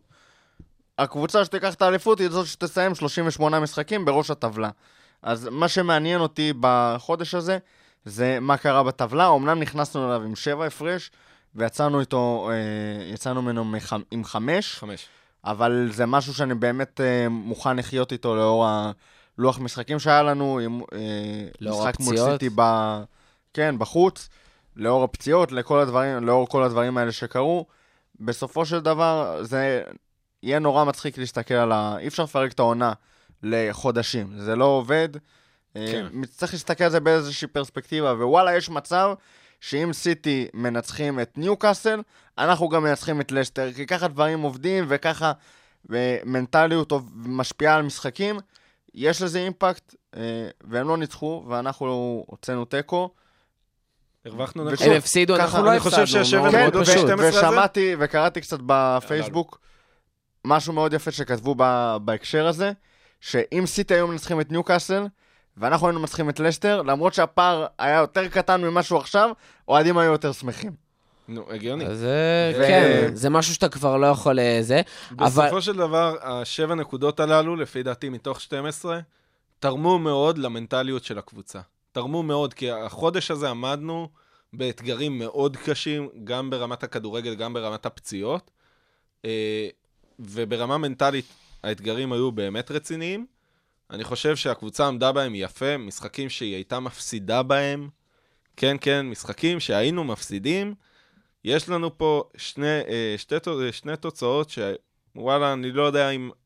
שנים קודמות זה לא היה קורה. כל קבוצה אחרת בליגה הייתה מפסידה מול פאלאס ומול האלה. לסטר היית מפסיד. שנה שעברה, ואפשר לראות לפני מה קורה עם שנתיים, צ'לסי, לפני מה קורה עם ארסנל, מה קורה עם רביעייה מול יונייטד, דיברנו על זה. טוטנאם. רכש אנחנו כבר לא יכולים לגעת, לא יהיה. כנראה, תשמעו, אה, סיכוי אפסי. אה, בנקודות כבר אי אפשר לשנות. מה שכן, לקראת אה, המשחקים בליגת אלופות, זה ממש כבר מתקרב, אנחנו נכנסים לפברואר, עוד שבועיים, שבועיים וחצי. יש לנו משחקי צ'מפ... מתחיל הצ'מפיונס, שמינית הגמר מול ביירן, ויש לנו עוד, כמו שאמרנו, 14 משחקי ליגה. מה קלופ כן יכול לשנות? מה קלופ יכול כן לשדרג ברמת מה שיש לו, כדי לתת את הטוויץ' הזה, כדי לעשות את הטוויסט הזה, ולדחוף את ליברפול שתוכל ללמוד מהטעויות שלה, ובאמת להגיע ל- לקו הסיום ראשונה. ללמד ניהול את כל משחק. שחקני הסגל לתפקד כבלמים. זה הדבר. אנחנו מגיעים, ביירן, אגב, פציעות, ביירן אנחנו מגיעים בלי ונדייק. נכון. זה תראה, כנראה לא המשחק עובד ומטיפ לפחות. יפתחו. רותם, משחק הראשון בוודאות. מה- מה מה קלופ אה, יכול וצריך לשנות? אה, דבר ראשון, ניהול משחק. מאיזו בחינה? מאיזו בחינה? הניהול משחק לדוגמה נגד לסטר, אה, אני לא חושב שיש מישהו שלא הרגיש או ראה שקטע צריך לצאת במחצית. היה חלש להחריד. אה, מחצית שנייה הוא השתפר, אגב. מחצית שנייה הוא גם היה צריך כן, אבל אה, יכול להיות שאם היית. מכניס את אה, פביניו מוקדם יותר, אז... אה, אבל זה אלמנט שיכול להיות שהוא דווקא חשב דווקא על השילוב של קייטה פה. וזה פגע בנו בדיעבד. למרות ששוב, זה עניין של שיפוט שזה פגע בנו, כן? היה אמור להיות שם פנדל. כן, אבל שוב, זה, זה יותר מדי אם למיניהם. אני כן חושב ש... קלופ משתפר בנושא הזה, זה לפני עונה, אני חושב שהיו הרבה יותר ביקורות על הניהול משחק שלו. בטח. אה, כן ארבעה חילופים דקה 89. כן. אה, יכול להיות שהוא יצטרך לחשוב יותר טוב, באמת, לפחות על איזשהו מערך שאמור לתת לקייטה יותר אה, אפשרויות להצליח, כי אם אוקס לא יחזור, או אם זה לא יקרה בקרוב, אנחנו כן נצטרך להוציא יותר מהקישור שלנו. זה לא אומר, את האליפות אפשר לקחת כמו שאנחנו נראים עכשיו. אה, אנחנו צריכים לקחת גם כמו שאנחנו נראים, כי בגדול אנחנו נראים מעולה. אה, אבל אם רוצים באיזושהי, באיזשהו תסריט לרוץ גם בצ'מפיונס וגם בליגה, אין, אנחנו לא יכולים להרשות לעצמנו שקייטה לא ישתלב, ויכול להיות שלפחות בשביל המשחקים נגד ביירן, הוא יצטרך אה, לגרום לזה לעבוד באיזשהו אופן, או אם נרצה להמשיך אחרי ביירן. ההשת... ההשתלבות הבעייתית של שקירי, של אה, קייטה. קייטה, זה משהו שמאוד בנינו עליו. העוד שחקן הזה בקישור, שיכול לשנות דברים ולעשות דברים, בהמון כסף בנינו מבחינת, עליו. גם עם מה שקורה כרגע בהגנה, קטסטרופה של פציעות, מה שקורה בקישור ואיך שזה משפיע על הקישור הרבה יותר קריטי. בעיקר בגלל ששני הקשרים המרכזיים שלך הולכים לשחק מגן ימני, משחק אחרי משחק. זה כן, סופר אבל- מורגש, אתה פתאום מבין כמה אתה פצוע. צריך באמת את פביניו בקישור, כמה משמעותי. צריך שמע, עוד זה- קשר אחורי. לסגל. זה לא עוד רק- אחד. זה לא רק שהוא חותך כדורים של היריבה, זה לא רק שהוא יודע להחזיק בטירוף כמו ג'יני בכדור, אתה ראית איך שהוא נכנס, איך הוא בקלות מעביר כדורים קדימה. כן. כאילו, הוא לוקח אותם שליש המגרש הראשון, בקצה, בהפרש בין השליש הראשון לאמצע, ואז פתאום, תוך שנייה, הוא מגיע להרחבה של אסתר. כאילו, טיק טק, אתה מעביר קדימה, אנחנו עוד- מעט. נגיע לזה, טיזר קטן להמשך הפרק. יש אה, איזושהי שיטת הגנה ושיטת משחק של ליברפול. אז בוא, בוא ש- נגיע לזה, בוא יאללה. נגיע בוא, לזה. בוא נתקדם לשם. בוא נגיע לזה. בוא נמשיך. יש לנו תחקיר אה, מיוחד של אה, רותם, כמעט ברמת תחקיר המ- המלונות, של אה, חדשות 2, שחפרו לנו. זה אה, מצחיק, תחקיר זה מצחיק. ולשי ברוך, אה, זה תודה לו מצחיק, ביצע. זה כי? זה קשור לקלין שיטס. אה, אגב, תחקיר יפה, המלונות. טוב. פרוסנר תהיה אז גבי. אה, לישי ברוך אה, ככה עזר לנו לתחקר את העניין הזה, ורותם, תן לנו בנתונים. ככה, אה, זה דבר ששמנו לב אליו כבר מזמן, זה משהו שדיברנו עליו, ואני ומורכו בערך מהפרק השני או השלישי של הפודקאסט כבר אה, חמים על הנושא הזה, עד שמצאנו זמן לבדוק את זה. אנחנו תופסים התקפות יריבות העונה, כמות פסיכית לגמרי של פעמים בנבדל, וזה עוד כשאנחנו עם אחוז פוזיישן מטורף. זאת אומרת שלא רק שניתן את הנתונים קודם, כמה פעמים אה, נתפסים בנבדל נגד אה, קבוצות פרמייר ליג כאלה ואחרות. נגד ליברפול, נתפסים בנבדל שלוש וחצי פעמים למשחק, זה הכי גבוה בפרמייר ליג. נגד סיטי לצורך העניין 1.9 פעמים, נגד יונייטד 1.7, נגד צ'לסי 2.1. הקבוצות שקרובות אלינו זה ווסטהאם, ווטפורד וטוטנאם עם בין 3.2 ל-3.4. כל השאר בכלל לפחות נבדל אחד פחות מאיתנו בממוצע אה, למשחק. בממוצע זה למשחק. פסיכי. זה פסיכי לגמרי, וזה קורה וזה קריטי בגלל סגנון המשחק שלנו. אנחנו משחקים פוזיישן גבוה בחצי של היריבה, הרבה פעמים גם בשליש הקדמי של, ה... של המגרש, בשליש של היריבה. בשביל להצליח להחזיק פוזיישן במיקום כזה, כל הקבוצה שלך צריכה לעלות קדימה, וזה כולל את ונדייק, וכולל את הבלם שלידו, וכולל את הקשר האחורי, וראינו את זה גם נגד לסטר, הרבה פעמים כל הקבוצה על, בחצי של היריבה. פריצות של מטיפ. פריצות של בתוך החצי. מטיפ, לפעמים של ונדייק, זה, וזה יכול לעבוד רק בדרך אחת. יש שני עמודי תווך שהשיטה הזאת מתבססת עליה. הראשון שבהם זה היכולת שלך לתפוס קבוצות בנבדל. אתה לא יכול להחזיק קו הגנה כל כך גבוה אם אין לך משמעת ברזל ויכולת לתפוס כמעט כל מצב של הקבוצה היריבה בנבדל. זה קרי... אחרת ההגנה משהו שלך שהיה פשוט- מאוד מורגש לנו בינואר, שקו ההגנה הוא לא קו ההגנה שאנחנו רגילים אחרי 4-5 פציעות בהגנה בערך. אנחנו מדברים גם על גומז שנפצע, לוברן שנפצע, טרנד שנפצע, מילנר שלא יכול לשחק אה, כשהוא נכנס, וזאת... הנדו. היה צריך להיכנס, פביניו היה צריך להיכנס, היו מיליון שינויי... אה, וזאת אחת, לדעתי לפחות, אחת הסיבות העיקריות, מעבר לפרסונל שהשתנה, אה, ברמת היכולת. לספיגות זה- בחודש לספיגות, האחרון. לכמות הספיגות שלנו בחודש האחרון. אני חושב שאפילו יותר מזה, זה הסיבה למיקום שלנו עכשיו. זאת מ- הסיבה מאיזו למיקום בחינה? שלנו. הסיבה, אה, לא, השיטה הזאת. אוקיי, לא. לא, מה שטייסי עצמה, אומר כן. שהשיטה עצמה הביאה אותנו לכמות נקודות שהגענו. לא, כן, מה שאני ורותם מדברים- אמרנו שבעצם השיטה, הבעיה עם השיטה בינואר, בגלל החוסר תיאום, זה מה שבעצם הביא לכל הכמות שערים שחטפת בינואר. שתיים מסיטי, חטפת שלוש מקריסטל פאלאס, כן. חטפת עוד אחד מלסטר, שכמעט לא ספגת עונה לפני כן. הכוונה. היא זה לא רק שמטיפ אה, או לוברן פחות טובים מגומז, או שאנדו ומילנר הם לא מגנים ימניים, זה שאין אין את התיאום הזה, לא יעזור. זה לא התיאום שהיה בתחילת העונה, וגם תיאום שאי אפשר לצפות אותו משחקנים שהם. בכלל לא שחקני הגנה טבעיים, וזה מאוד פוגע בנו לשחק בשיטה הרגילה שאנחנו רואים. וראינו את זה גם נגד לסטר במתפרסות, בהתקפות המסוכנות שלהם, וגם נגד פאלאס, שהמתפרסות נגדנו נראות הרבה יותר מסוכן. ואני, האמת שלא בדקתי את זה, אבל גם יש לי הרגשה שגם כמות הנבדלים ירדה. תכף ניתן פה עדכון. פוש. מעבר לזה, עמוד התווך השני, שעליו נשענת השיטה הזאת, זה קשר אחורי הורס משחק, סטייל אה, ב, בשאיפה האידיאלית קנטה, אבל פביני עושה את העבודה הזאת. כרגע אם זה פביניו ואם זה ווינלדום, שעשה את זה וויינלדום, מדהים בתחילת העונה. יש לו איכויות מטורפות, אבל בתור הקשר הזה הורס, קשר אחורי הורס, הוא לא עושה את זה טוב, לא כמו, בטח שלא כמו קנטה, אבל גם לא כמו פביניו. פביניו זה לבל אחר לגמרי ברמה כן. הזאת, מהבחינה הזאת. האמת שאנחנו ו- צריכים לפרקים הבאים לבדוק את העניין של... אה, לבדוק את ההבדלים בין המשחקים הראשונים של ג'יני, שהוא שיחק קשר אחורי, למשחקים שפביניו שיחק אה, קשר אחורי, לבדוק באמת העניין של התיקולים אולי, האינטרספשנס, איפה אתה רואה את ההבדל בין השחקנים ובין הס... אה, בסגנון שלהם. אבל אני רוצה לשאול דווקא דבר אחר, כמה זה משמעותי לנו לחלק ההתקפי? כי הלכנו ובדקנו, וראינו שליברפול, אם, אם מסתכלים כאילו בכללי על כל הליגה, כמה, לכמה נבדלים ליברפול נכנסת, שם אנחנו לא במקום ראשון, שם ניוקאסל לוקחה במקום ראשון עם נבדל וחצי. במקום אה, השביעי אנחנו. זאת אומרת, אחרי, הם נכנסים הכי מעט לנבדלים, אחריהם אתה רואה טוטנאם, אדרספילד, סאוטהמפטון, בורנמוט, קריסטל פס, אתה רואה מלא קבוצות שמשחקות על מתפרצות, רובן קבוצות תחתית, חוץ מטוטנאם, שדרך אגב עושה את זה מדהים, גם את הקטע של לא להיכנס לנבדל וגם את הקטע של לתפוס בנקוד נבדל כבר שנים.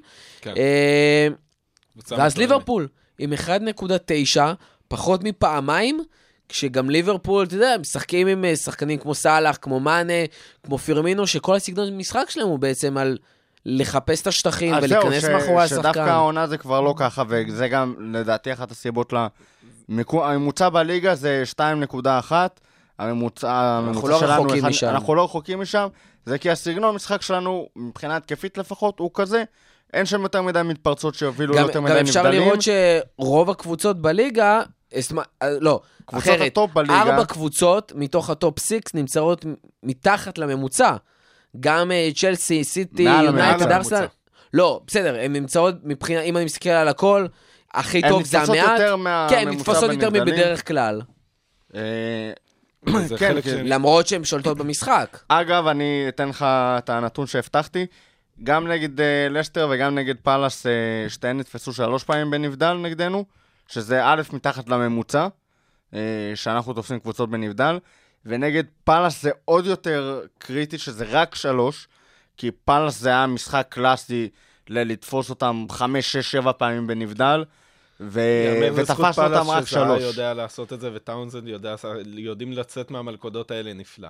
כן, אבל האמת תפסנו... שמשם באמת הגיעו השערים שלהם. אבל בשלבים היותר טובים שלנו, העונה, לפחות מהבחינה הזאת, תפסנו גם שחקנים יותר טובים מזה, נבדלים על ימין ועל שמאל, וצריך לראות באמת איזה- שהם משחקי שיא מהבחינה הזאת, אבל... אה, זה, אגב, מבחינת כמה... אנחנו עם שלושה וחצי נבדלים, תופסים את היריבה הממוצע, הממוצע בליגה זה 2.1. זאת אומרת, אנחנו פחות או יותר 50 אחוז מעל הממוצע. מטורף. אפילו יותר, שה- אפילו יותר. הנתון- שצירפת, של כמה אנחנו נתפסים בנבדל, זה בדיוק מה שדיברתי קודם, על הסיבה. הסיבה של הנבדלים, זה, העניין של הנבדלים זה אחת הסיבות למיקום שלנו עכשיו, חד משמעי. איך שלמדנו לעשות את זה, התיאום ההגנתי המופלא של קלופ, תביא מאמן הגנה. כמה פעמים שמענו את זה, קלופ, אני אמרתי תביא את מאמן זה הגנה. מיליון פעם. תביא מאמן הגנה. הוא לא צריך, הוא יודע מה הוא עושה, הוא פשוט צריך את השקט התעשייתי כנראה שהוא יצר סביבו, עכשיו בלי בובץ' בכלל, אה, לעשות את זה, והוא עושה את זה מצוין. כן, זה מתורגם לזה שגם הרבה פעמים בתחילת העונה באנו בטענות להתקפה שלנו. איפה ההתקפה של ליברפול? איפה המרסקת? איפה הכובשת, המלעיטה? כן, זה לא סתם שהם הולכים אחורה, הם גם הרבה פחות נתפסים בנבדל. זה שאתה נתפס פחות בנבדל, זה אומר שההתקפות שלך כנראה יותר מדויקות, ושהשחקנים יותר מתואמים. הם הרי לא הפסיקו לתקוף, אנחנו מקום ראשון. אתה פשוט הפסקת להעביר ליריבה שלך את הכדור פעמיים במשחק, ממה שעשית. זה מטורף. עכשיו, בינתיים גם רותם בודק לנו עוד כמה עדכוני נתונים, אבל בינתיים אני רוצה לשאול אותך, טלסי, העניין הזה של, דיברנו כמה חשוב לנו הפרסונות בקו ההגנה, ויצא לנו לדבר על זה השבוע. אתה, אתה אומר, אוקיי, ונדייק, המאסטר של כל הסגנון הזה, והוא גם מפקד על זה, ואתה יודע, גנרל אה, בכל העניין הזה. גומז היה מושלם לידו, כי הוא יודע להיות ה-second tour. והוא מהיר האם בטירוף. לוב... אבל הוא גם פציע והכל, האם גם מהר לוברן... בטירוף מאוד עוזר לנבדל שלנו. לג... לגמרי, האם לוברן ומטיפ הם השחקנים שיכולים להיות בשיטה הזאתי, או שדווקא בגלל שאנחנו אומרים כמה זה יעיל וכמה זה מתאים, וכמה אתה רוצה להמשיך, וכמה זה חשוב, האם בקיץ אתה בא ואומר, אני מביא שחקנים שמתאימים לי לשיטה הזאת, שמספיק אחראים, מספיק לומדים, מספיק זריזים, או שאתה אומר שגם איתם אפשר לעשות את זה. בוא נגיד ככה, אה, זה לא שהם עכשיו אה, ישבו, ישבו בחצר האדמו"ר של השיטה הזאת ולמדו את זה מגיל אפס, כן? אבל הם מתפקדים בשיטה הזאת והם מתפקדים לא רע בכלל. מטיפ אתמול, אה, כן, אפשר לבוא אליו בתלונות, אפשר לבוא בתלונות אל כל הקבוצה, אני חושב שהוא לא היה כזה נורא, מסכים. יחסית למה שציירו. לא, הוא היה בסדר גמור. אה, והצהוב שלו היה צהוב מוצדק לכל דבר. אני, אם הייתי במקומו, הייתי עושה את אותו דבר. אה, ואני מאמין שרוב הבלמים בעולם, גם מי שיודע לשים גוף לשחקן התקפה מהיר שמגיע מולך, בלי לצאת מזה בצהוב, שאפו, באמת, מה, תעשה לו בו. אה, בכל אופן, כן, הם לא, הם לא החניכים של השיטה הזאת, אפשר לשחק איתם על זה, זה לא קשור לשאלה שלך, לפי דעתי.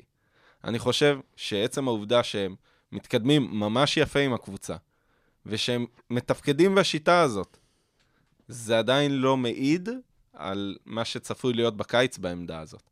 אני חושב שבקיץ בעמדה הזאת אנחנו חייבים עיבוי, ולו רק בגלל הפציעות.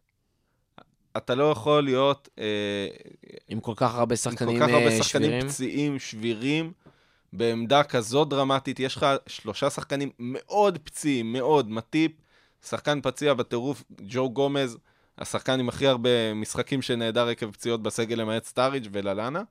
שמע, אה, סטאריג' ו- לא כזה חוכמה העונה, ו- זה מדהים. ולוברן, שגם אה, ידוע בזה שהוא נעלם לאיזה חודש בעונה על פציעות, אתה לא יכול את זה, זה לאו דווקא בגלל הרמה שלהם. כן, הייתי שמח אם היה בא לי עכשיו ברזי, או אם היה בא לי מלדיני, בטח. גם קוליבאלי, לא הייתי מתנגד, אבל, אבל, אני חושב שהם בינתיים מיישמים את זה יפה, לא סתם, אנחנו במקום הזה, באמת לא סתם, צריך להבין את זה. אמנם all אייל ג'ון הנרי, אבל לא סתם אנחנו במקום הזה. חבר'ה שעל המגרש, גם אה, אה, מקהלת הלפטר, גם מקהלת האהובים, יחד הם עושים את זה, ויש שם באמת עבודה נפלאה. אה, אני מסכים עם זה לחלוטין. אה, חיפשתי לי בינתיים ככה איזה שהם משחקים או ראויים לציון מבחינת נבדלים. לא מצאתי יותר מדי חריגות סטטיסטיות. מה שכן, שזה דווקא אה. עוד יותר משמח אותי. כאילו, אתה אומר שזה... כן, זה לא זה לא למשך כל המשחקים וזה. העונה, אתה רואה שזה באמת היה משהו שחזר לעצמו. יש קבוצה אחת שהאמת שזה... הייתי נורא מאוכזב אם לא הייתי תופס את זה, אה, כי צפיתי את זה. ארסנל, שני משחקים שיחקנו נגדם, משחק אחד חמישה נבדלים תפסנו אותם, משחק שני שבעה משחקים. שבעה נבדלים. שבע פעמים. כן. ארסנל הקבוצה השלישית בליגה, אם אני לא טועה. ארסנל הקבוצה השלישית בליגה, אם אני לא טועה. כן, באופן כללי הם נתפסים, אבל הם בסך הכל ממוצע של. שתיים וחצי. ובשני משחקים איתנו עם ממוצע של אה, שישה נבדלים למשחק. הם צריכים אז, אה, אה, לנסות לפצח את זה. עשינו את זה יפה. טוב, אנחנו ממשיכים. פרק קודם, נתנו לכם חידה. אז טלסי, קודם כל אתה חייב תשובה על החידה והסברים למה התשובה הזו היא התשובה, כדי שלא נצא ככה אנשים שעושים פה הוואנטות. חלילה. אז אה, יאללה, כן. טוב, אז uh, התשובה לחידה הקודמת, uh, החידה הקודמת, מי ששיחק עם נוהלי השער האנגלי, ארט ובטלן גיר- גרין וקירקלנד, אך בלי הופעה אחת במדעי הנבחרת האנגלית. חידה עוד ארוכה, אני לא אפרט את כולה, אבל השחקן הזה הוא, כמו שעניתם נכונה, קרייג בלעמי, שהיה בשתי קריירות במדי ליברפול, שחקן נבחרת ויילס, הופיע עם אה, בייל ועם גיגס מן הסתם בנבחרת, אה, גם בנבחרת אה, Team GB הנפלאה שהייתה, אה, שם הוא גם הופיע עם באטלנד. אה, כמובן, מנצ'סטר סיטי, בלקבורן, ניוקאסל עם שירר, אה, הש, אה, השער הנפלא מולנו.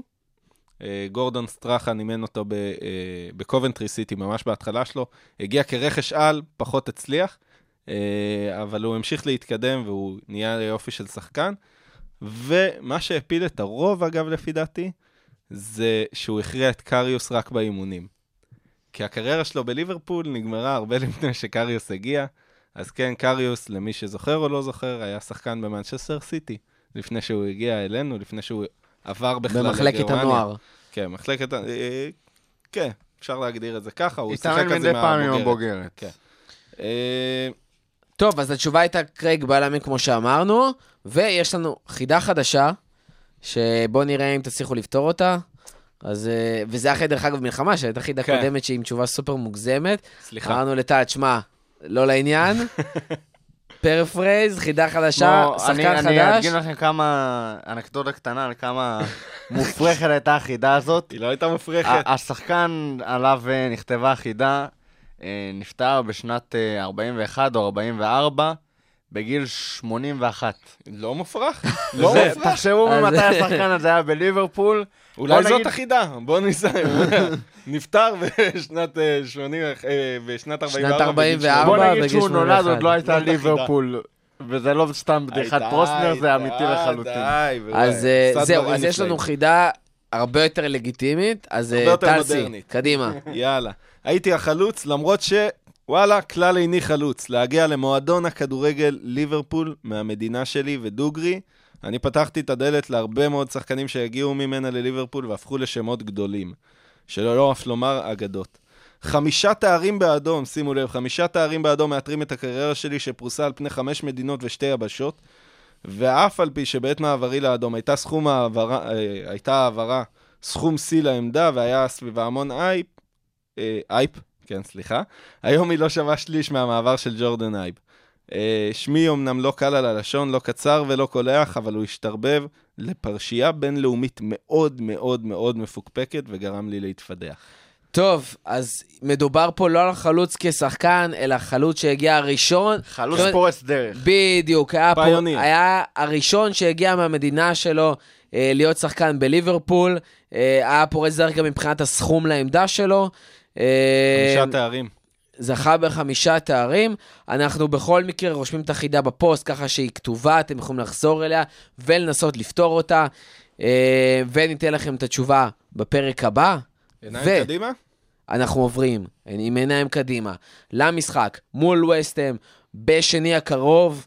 אה, נתחיל קצת מכשירות, יאללה. כן כשירים, לא כשירים. אז אנחנו מדברים מבחינת ליברפול.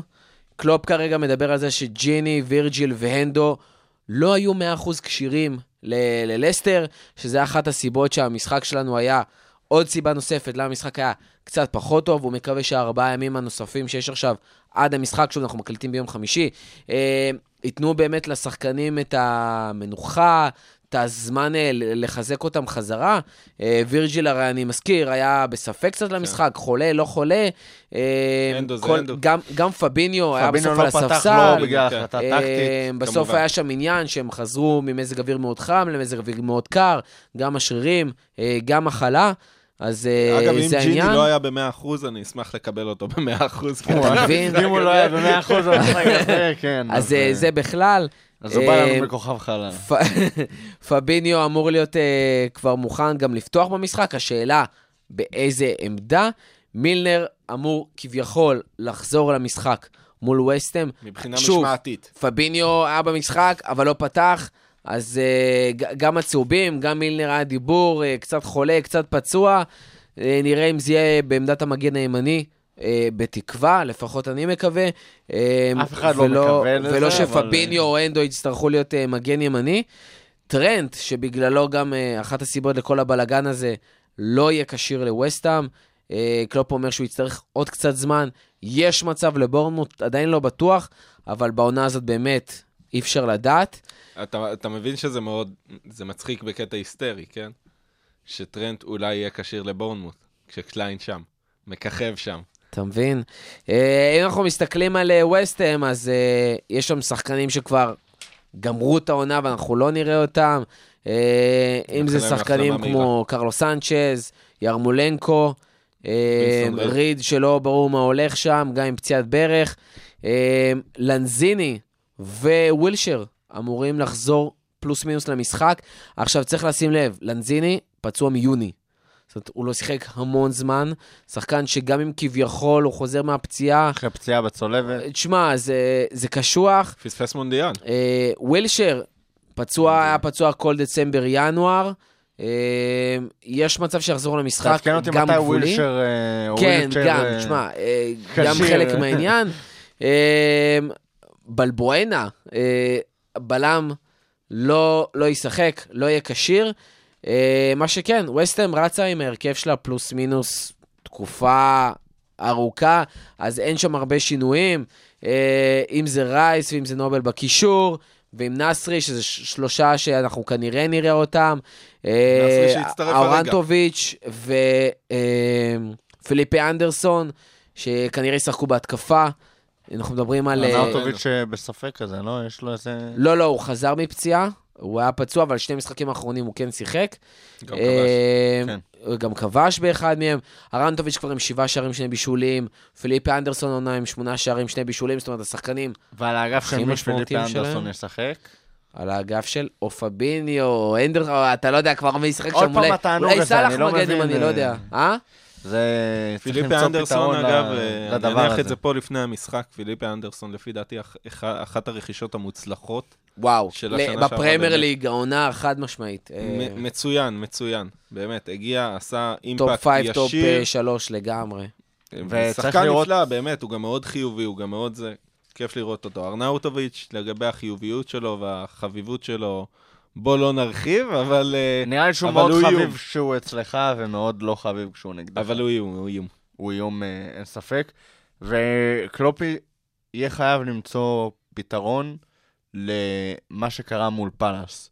כי מה שקרה מול פאלאס, מבחינת האגף של מילר, פביניו, מי שזה לא יהיה. זה יכול להיות תמונת מראה, והפעם זה לא יהיה באנפילד, ואני לא יודע כמה פעמים נצליח לספוג העונה שלושה שערים ולצאת מזה.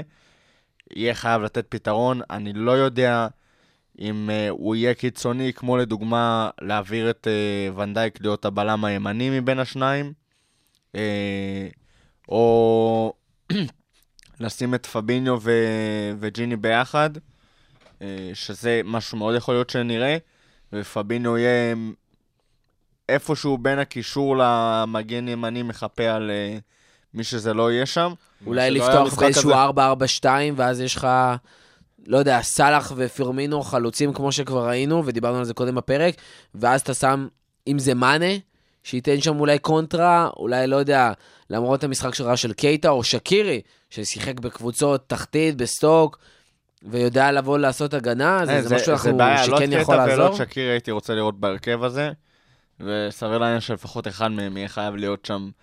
כי אחרת יהיה ללאנה, גם זה אני אגב- לא בטוח מה... אגב, ווסטהאם, יש שלושה שחקנים שלא לא נראה לי שהזכרנו עדיין את שמם, והם אה, מאוד דרמטיים בהקשר של ליברפול. אחד מהם זה אנדי קארול.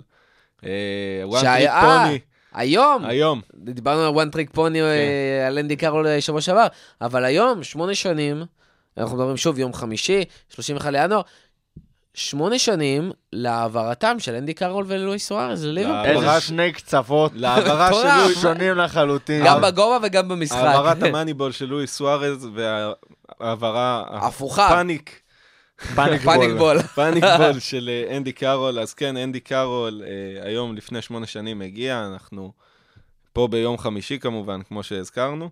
אה, צ'יצ'ריטו, שמע, צ'יצ'ריטו זה שחקן קלאץ' נאחס. אבל רק על ליברפול, זה שחקן שכאילו החיים- כמעט לא כובש כל 2-3 החיים עונות. מודה על כך שקיים מועדון בשם ליברפול, שהוא אוהב לתקוע כל פעם, ואיתו, המון מאחוריו, בערך מגרש שלם מאחוריו, יושב שם בשער פביאנסקי, שאוהב, נכון, הוא ספג מאיתנו, והוא ספג מאיתנו לא שער ולא שניים ולא שלושה. חבל לי נורא אבל- שלא הוצאנו סטטיסטיקת ספיגות של אה, פביאנסקי אבל- נראה לי היה יכול להיות חכה, אני מעניין. דווקא רוצה לבדוק אה, סטטיסטיקת אה, אבל שערים של צ'יצ'ריטו. פביאנסקי יודע לקחת לנו כדורים לפעמים, שאתה תופס את הראש ואתה אומר, מה, מה, עכשיו נזכרת? נזכרת להיות שוער? אז אה, כן, שלושתם... אבל זה כל שוער נגדנו, כאילו, זה לא, זה by כבר default. הרבה פחות, הרבה פחות. אגב, וסטאם, היה להם משחק מול וולפס. משחק, אה, היה שם נתון ראוי לציין. אז בוא תספר לנו את הנתון. אז ככה, ההגנה של וסטאם אה, מול וולפס במשחק הקודם, אנחנו נעסוק בו, הייתה ממש נוראית, אבל ההתקפה מבחינת XG, 0.1. תשמע, זה... זה דרק. מעליב. זה זה שלוש בעיטות בנוסף מהחצי לזה מקבלות שההגנה 0.1, לא? כמה- 3.1, כמה בעיטות- שלושתנו עכשיו משיגים יותר מ-0.1. כ- כמה מתוכם ברחבה? לא נראה לי שזה היה ברחבה, אם היו לא. כמה בעיטות וזה הסתבר ל-0.1. לא. זה, זה קצת אה, מוטל בספק. אבל אה, בוא, המשחק שלנו מול אה, וסטאם ושל אה, וולס מול וסטאם, כן. אה, הם שונים בתכלית. ו... כמובן. וולפס קבוצה מצוינת, כבר דיברנו על זה. לגבי וסטאם, שוב, היא קבוצה שאוהבת לסנדל לנו רגעים טובים. Uh, יש להם את הכלים לזה. אגב, כלים, יכול להיות שיהיה להם עוד כלי עד סוף העונה. אם uh, צ'לסי כבר אישרה, נכון? הוא צריך להחליט עכשיו. כן, אה, לדעתי הדיבור על- כרגע שיש, לדעתי, לפי מה שאני יודע, הדיבור כרגע שיש אה, שבתושי, כן, אה, מיצ'י. בתושי של צ'לסי, אה, יסיים את ההשאלה שלו לוולנסיה, ויגיע, כרגע צ'לסי הסכימה לשחרר אותו להשאלה או לווסטם, שאנחנו מדברים עליה כרגע, אה, לבטיס. או לבטיס, ריאל בטיס בספרד. כשהוא בעצם צריך לסגור עם הקבוצות, צריך גם לזכור שבסופו של דבר מה שיכריע פה זה לא סכום, אלא סכום לסוכן וסכום שכר. שבטיס לא יכולה להשוות שום דבר ממה שיש לה לווסטם. כמובן ש... אה, מה שכן, יש דיבור שם עם דרישות מאוד מאוד גדולות, ובמקביל ווסטם גם מחפשת, מדברת עם עוד חלוצים נוספים, אי אפשר לדעת מה עוד יהיה הלילה, אבל, מדברת אה, גם על דרינק ווטר. גם על דרינק ווטר, שלא ממש שיחק בצ'לסי העונה. אה, עכשיו בוא, עם איזה הרכב אתה עולה מורכו למשחק הזה? הכשיר. תשמע, קודם כל הכשיר, אני, תשמע, זה בעייתי. אני חושב שיש פה שתי אופציות, ואני קצת, אה, אני קודם כל מדבר על המערך, כי תן לנו את האופציה בשער שלך, אה, זה. לדעתי שתי אופציות, שוב, זה או לעלות באמת 4-4-2, אני לא חוזר על ה-4-3-1 הזה שעלינו בו אה, בשני משחקים האחרונים מול 4-3-1 לא פאלאס. כדאי לעלות אף פעם. 4, 2, סליחה, 4, 2, 3, 1, שעלינו אה, מול קריסטל פאלאס ומול ווסטם, ש... אה, מול ווסטם, כבר די, אה, בלבל אותי, מול לסטר שעשו לנו בעיות, כי גם ווסטם הולכים לצופף לנו את האמצע ולא יהיה לך פתרון, ויש לנו את הבלאגן עם אה, פיליפי אנדרסון, אז או 4, 4, 2, סאלח ופירמינו שני חלוצים, ואתה שם את מאנה, אתה יודע מה, אפילו על הגב של פיליפי אנדרסון, רק בשביל לגרום לזה שהוא לא יוכל לתקוף, על אותו עיקרון. 4-3-3, לשמור על הקישור, לדחוף קדימה חזק, במיוחד עם פביניו, אפילו עם ללאנה בקישור, אפילו עם קייטה להחזיר אותו. אה, ושוב, שסאלח בימין, לפיליפי אנדרסון, סורי על המילה, אבל לא נראה לי שיהיה את הביצים לעלות כמו שהוא אה, רוצה לעלות, במיוחד עם ההגנה הבעייתית שלהם. שינסה לעלות. אה, שננסה, אנחנו נשמח. ואני מאמין שאתה יודע, הייתי מעדיף את מילנר בימין אה, ואת פביניו במרכז, אבל אה, אי אפשר לדעת עם הפציעות באמת מה יהיה. כן, זה נכון. אה, אגב, אה, דיבר, הזכרת את מאנה. אני חושב שממש ראוי לציין בשני המשחקים האחרונים, במשחק מול פאלאס, במשחק מול אסטר, שאומנם ליברפול נראתה רע, מאנה נראה מצוין, אבל לא סתם, הוא גם נראה מצוין הגנתית. זה מתחיל רגע, העונה. רגע, לפני הגלתית, טלסי, הקבוע שלנו, מאנה מסר טוב מאנה מסר במשחק טוב! האחרון. מאנה אני חייב מסר אה, טוב! לקחת קונפטי עזוב ולפתוח. טוב, עזוב טוב, היה לו מסירה-. מסירה שלא יצאה טוב, אבל הוא מסר בזמן. ותפסתי את הראש ואמרתי, מה. קורה פה? מבחינה הגנתית, אני חושב ש... אה, מאנה די השתלט על, ה... על תפקיד פרמינו מבחינת ה... כן. השחקן ההתקפי שעושה הגנה. ומה פירמינו עושה? הוא מתחיל... פרמינו? הוא עושה דברים? שפרמינו עושה, לא יודע, במשחק הזה לא ברור לי מה הוא עשה. אה, לא חושב שגם ברור לו מה הוא עשה. והיה, אבל, אה, והחילוף של אה, להכניס את סטאריג', או לצורך העניין, יודעים שאני חובב סטאריג', להכניס את אוריגי, לא נראה לך שהיה ראוי לעשות את זה קודם, את המהלך הזה? להכניס חלוץ שיודע לשחק חלוץ תשע פרופר, ששחקנים עם קלאץ' מטורף, לא שאני אומר שהם יותר טובים באיזשהו אספקט מפירמינו, הוא לבטח יותר טוב מהם, אבל הוא לא היה בזון אתמול, אה, הוא לא היה בזון במשחק, סליחה. אתה לא חושב שהיה עדיף להכניס מישהו כזה, שחקן קלאץ', יותר מוקדם, מהדקה 81, דקה 81, סוף המשחק. נגע שמע, בכדור זה- פעמיים. זה פרמינו, אתה לא ממהר להוציא אותו ב... אז זה צלח, מישהו מהם. סאלח שחקן לא, קלאץ', לא משנה לא, לא את מוציא. מי... את מי לא תשים, במצב כזה, במיוחד זה. שאין לי מישהו בסגל שיכול לקחת על עצמו את ה- את התפקיד הזה, ובמיוחד לא במשחקים האלה עכשיו. זה גם הוא לקח את זה מול צ'לסי. היה חילוף מול צ'לסי, הוא לקח את זה באם עם אימא של לא, המאני לא. לפתוח, לא לפתוח ולקחת עכשיו אה, זה.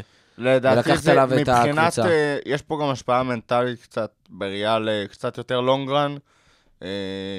שסטאריג' לא ימשיך גם ככה. סטארי לא ממשיך גם ככה, ובוא, פירמינו וסאלח זה שני שחקנים שגם ביום רע שלהם, אה, יש לי שאלה. כפי שאומרת הקלישאה, יש לי שאלה, סטאריג' בא עם הסוכן שלו, אומר, אני מוכן לשכר של 70. אתה חותם איתו? לא. אוקיי. אנחנו צריכים לעשות עליית מדרגה מהבחינה הזאת.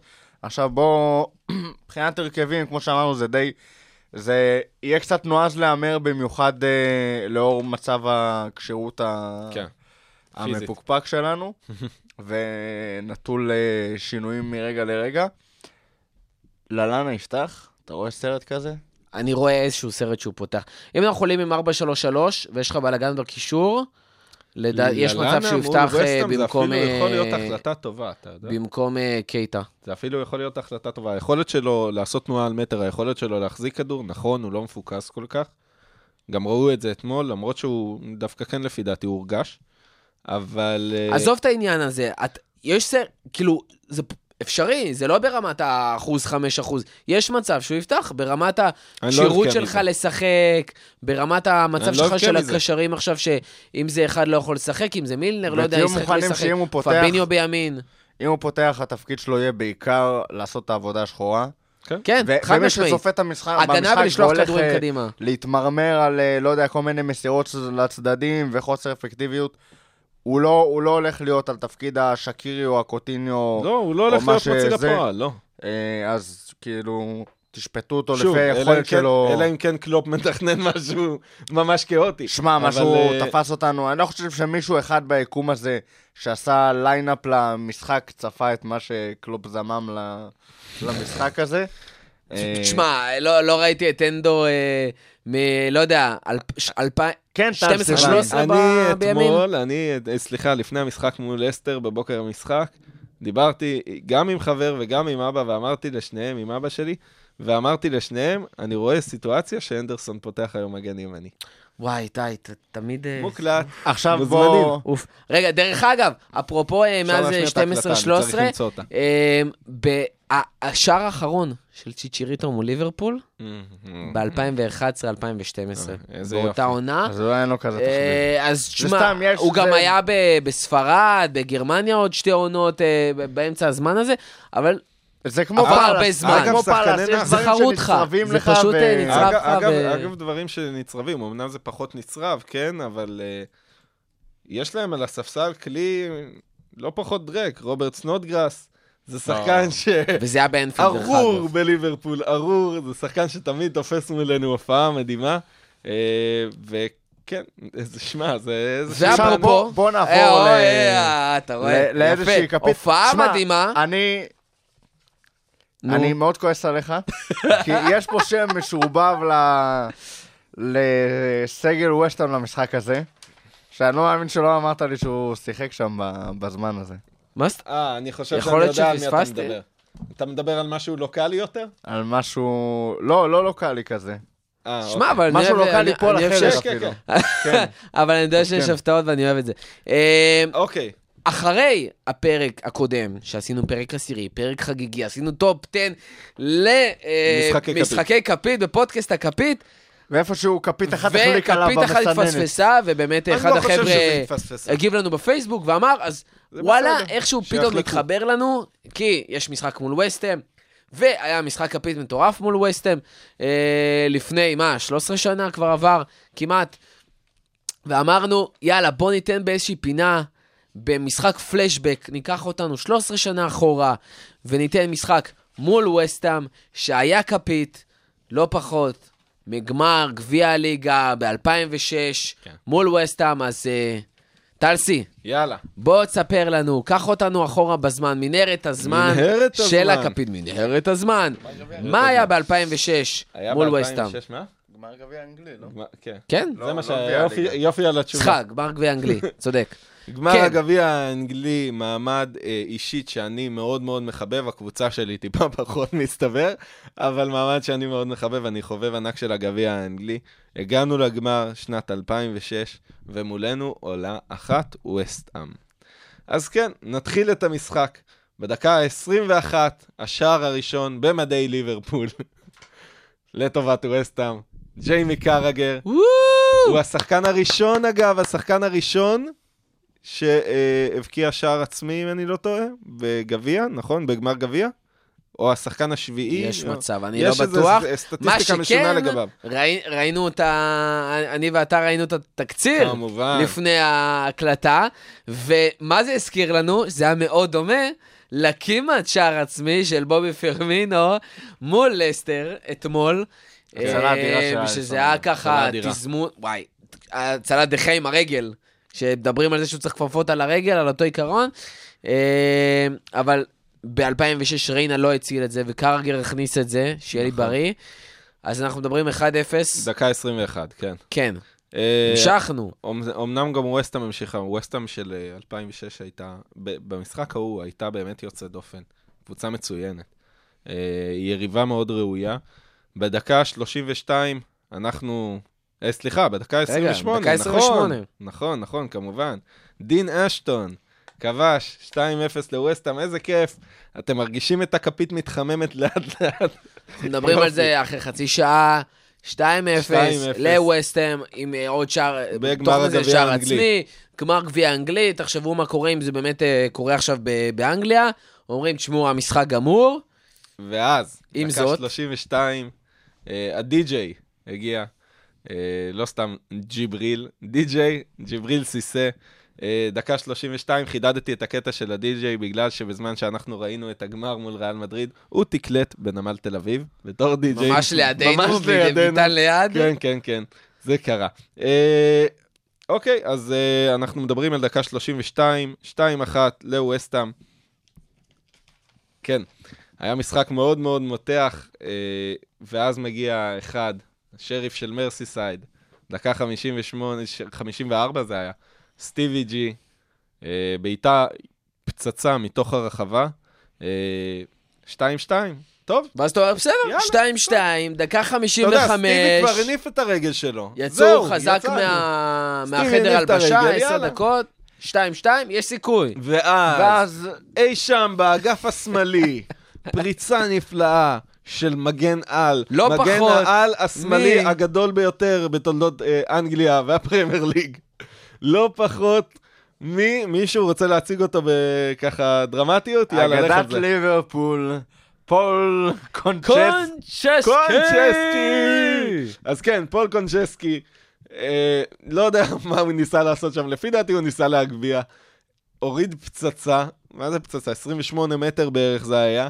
אה, ריינה לא היה עוצר את זה בחיים. כן, ישר לפינה הרחוקה, גול, גול יוצא מן הכלל באמת. אה, טוב, אנחנו 3-2, לא נעים. 3-2 לווסטהאם, גמר הגביע האנגלי, והשעון מתקתק. ומתקתק. דקה 71. ומתקתק, ומתקתק, ומתקתק, ואז בדקה ה-71 אה, עולה לו שחקן שרותם רוצה להזכיר פה, כי כמובן שזה משהו לוקאלי למישהו פה בחדר. כן, רותם? עכשיו קלטת את זה, מורכו? בובי זמורה עולה לשחק, והאמת אה, גם עוזר לכוחות האדומים בהמשך, שעוד מעט נגיע לזה. כן. ואז השעון ממשיך לתקתק. השעון, כן, אני לא... והכפית. ממשיכה. ודקה הכפית 80, ממשיכה, דקה ו-81, 81, 82. אה, מגיעים לדקה הנשמה יוצאת. 89, דקה ואז, 90. שם, בדקה ה-90, הכדור נוחת 30 מטרים, מרחק מהשער, על רגל ימין של מי אם לא? הקפטן, השריף. היחיד מכולם. אה, סטיבי ג'י מוריד פצצה, אחד השערים הכי גדולים אגב בקריירה של סטיבי, קריירה שידעה שערים פנטסטיים, אחד השערים הכי גדולים, הכי גדולים שלו. אה, כן, אנחנו 3-3, יש לנו הערכה לפנינו, גם בהערכה אכלנו מרורים, כמעט כבשו לנו. אה, עכשיו בואו שנייה נעבור, דיברנו על 2005-2006, לפני שנגיע אה, למה שקורה אחרי ההארכה, בואו נדבר שנייה. מורכו, תציג את ה lineup שלנו. את ה line- את ההרכב. כן. אה, שוער, פפה ריינה, כבר אמרנו, אה, בצד ימין סטיב פינן, אה, ג'ון ארנה ריסה בצד שמאל, ב- הבלמים, סמי הייפיה וג'יימי קראגר, סמי הייפיה, דרך אגב, בתצוגה לא פחות מזכירה מוואן דייק, לחלוטין. אבל מול קריסטל פאלאס ב-3-3. לגמרי. אה, בקישור, סטיבן ג'רארד, צ'אבי אלונסו והארי קיואל, אה, שהיה ככה קשר, אה, קשר התקפי. ג'יבריל סיסא אמרנו. פיטר קראוץ', שהיום, אגב, היום... שחוגג, היום, אתמול זה היה, חוגג 38, וחותם, והיום עובר לברנלי. לברנלי, כן. היום חתם בברנלי, ומוחמד סיסוקו, זה הרכב הפותח. מומו, כן. אה, אה, המחליפים. שלנו היו אה, מוריינטס, יאן קרומקאמפ, הידוע לשמצה, ו... דידי אמן. כן. שם בצד, הלונדוני היה את שקה היסלופ בשער, דני גבידון, פול קונצ'סקי שהזכרנו פה, אנטון פרדיננד שידוע בתור האח של, והבן אדם שג'ון טרי יודע להעליב. ומשהו לוקאלי לכו- לכולנו. ובמיוחד יוסי לאבישי בניון. בר זיו. יוסי בניון שהאכיל אותנו מרורים שם אה, במשחק ההוא, ואחר כך בא אלינו ועשה לנו המון טוב. שנה לאחר מכן, נכון? כן, אה, בקיץ של ב- 2007. בקי... לא באותו קיץ, קיץ כן, לאחר מכן. קיץ של 2007. ניינג'ל ריו קוקר, קרל פלצ'ר, ליונל סקלוני, אל תטעו. לא מסי, למרות שהוא גם ארגנטינאי. כן. דין אשטון שכבש ומרלון ארווד, אה, כמו שזמורה ציין פה. בובי זמורה, קריסטיאן דיילי יעלו כמחליפים, יחד עם אה, ותיק השבט ואחד השחקנים, שקשה שלא להעריך למרות שהוא אה, חלאה ביסודו, אה, טדי שרינגהם. ואז, אה, אחרי הערכה מאוד מאוד קשה, קשוחה ומתישה, הגיע שלב הפנדלים. ובכן, מורכו, איזה כיף זה פנדלים. ללא ספק השיטה הכי כיפית. לא, רותם, שיטה פשוט תענוג. ספורטיבית כל סופר כך. נעימה.